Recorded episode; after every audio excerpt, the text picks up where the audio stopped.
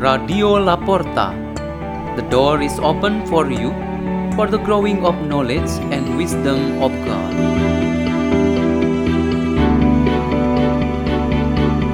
Delivered by Theodore and Hadi Witanto from St. John Bosco Church in Jakarta, Indonesia.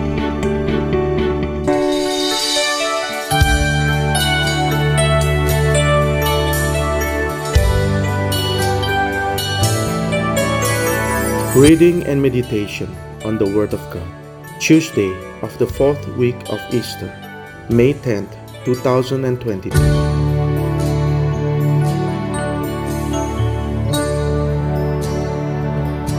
The reading is taken from the Acts of the Apostles, chapter 11, verses 19 to 26. Those who have been scattered by the persecution that arose because of Stephen went as far as Phoenicia, Cyprus, and Antioch, preaching the word to no one but Jews. There were some Cypriots and Cyrenians among them, however, who came to Antioch and began to speak to the Greeks as well claiming the Lord Jesus. The hand of the Lord was with them, and a great number who believed turned to the Lord. The news about them reached the ears of the church in Jerusalem, and they sent Barnabas to go to Antioch. When he arrived and saw the grace of God, he rejoiced and encouraged them all to remain faithful to the Lord in firmness of heart. For he was a good man, filled with the Holy Spirit and faith, and a large number of people was added to the Lord. Then he went to Tarsus to look for Saul. When he had found him, he brought him to Antioch. For a whole year they met with the church and taught a large number of people and it was in Antioch that the disciples were first called Christians. The Word of the Lord.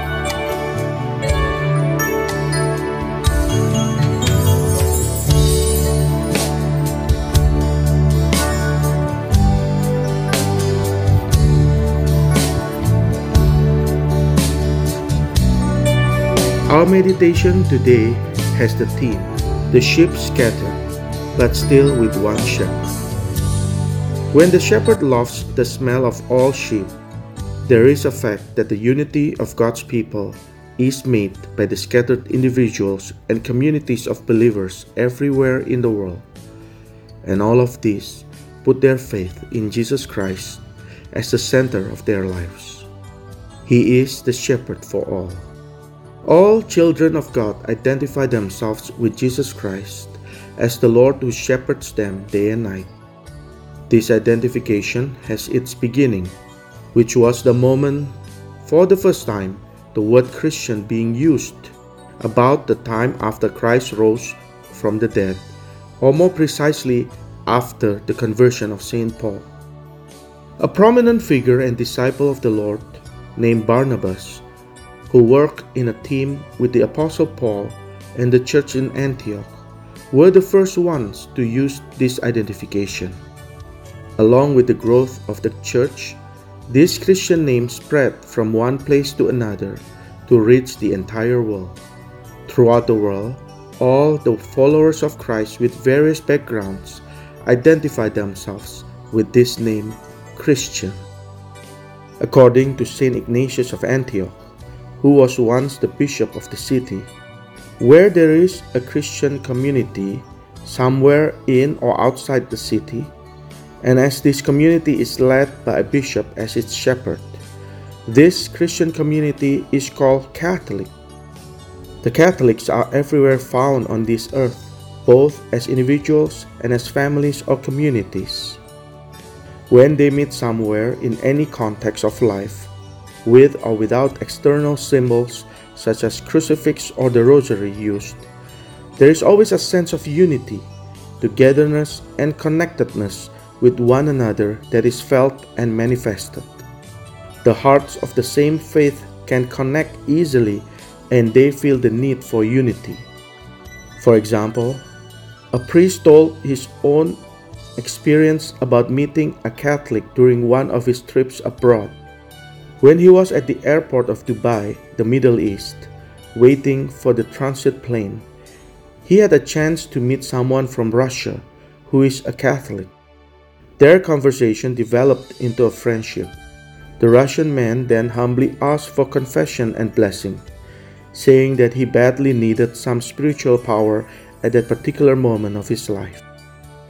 When seeing an athlete makes the sign of the cross while playing on the field, viewers around the world spontaneously make sort of a Catholic connection with the player.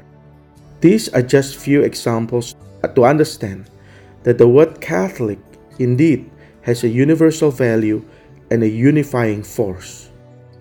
The spread of the followers of Christ everywhere in the world does not endanger the fact of life that people are different or may harm the unity in the community.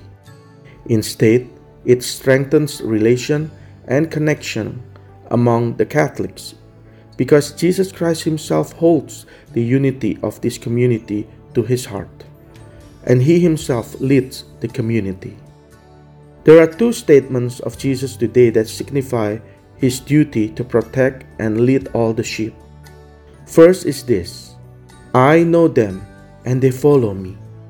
This is certainly not just a matter of having knowledge of another person, but it speaks about the dynamic of life between the shepherd and the flock. Second is, no one can take them from my hands. Jesus Christ indeed takes control over all his sheep. His duty is to save all. Let us pray. In the name of the Father, and of the Son, and of the Holy Spirit. Amen. Lord Jesus Christ, we, your followers, want to remain faithful and obedient to you because this is the way we remain united and strong. Stay and be with us, Lord Jesus. Hail Mary, full of grace, the Lord is with thee. Blessed art thou amongst women, and blessed is the fruit of thy womb, Jesus. Holy Mary, Mother of God, pray for us sinners, now and at the hour of our death. Amen. In the name of the Father, and of the Son, and of the Holy Spirit. Amen. Radio La Porta. The door is open for you.